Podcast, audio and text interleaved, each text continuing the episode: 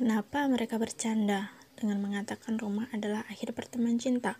Semua menjadi dusta dan hina. Kala mata mendapatkan semuanya menjadi sia-sia. Tak hanya untuk nyata, tetapi yang jadi fata morgana pun juga sama saja.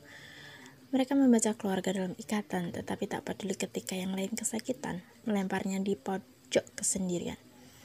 Dan mempertahankan mereka yang bertopeng pimpinan. Semua wajar egonya sendiri-sendiri mematangkan kepentingan yang sudah menanti dan lupa akan awal janji yang akan selalu mengisi walau tangis menghampiri. Mungkin aku yang salah ketika harapku tak berujung mudah seolah semua pasrah dan menghakimiku sebagai sang pengolah.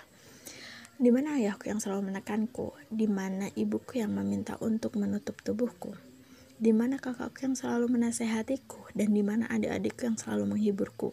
Ya, mereka semua tak ada karena aku ingin berdiam diri dalam kebinasaan asa, memasungkan diri, dan perlahan pergi.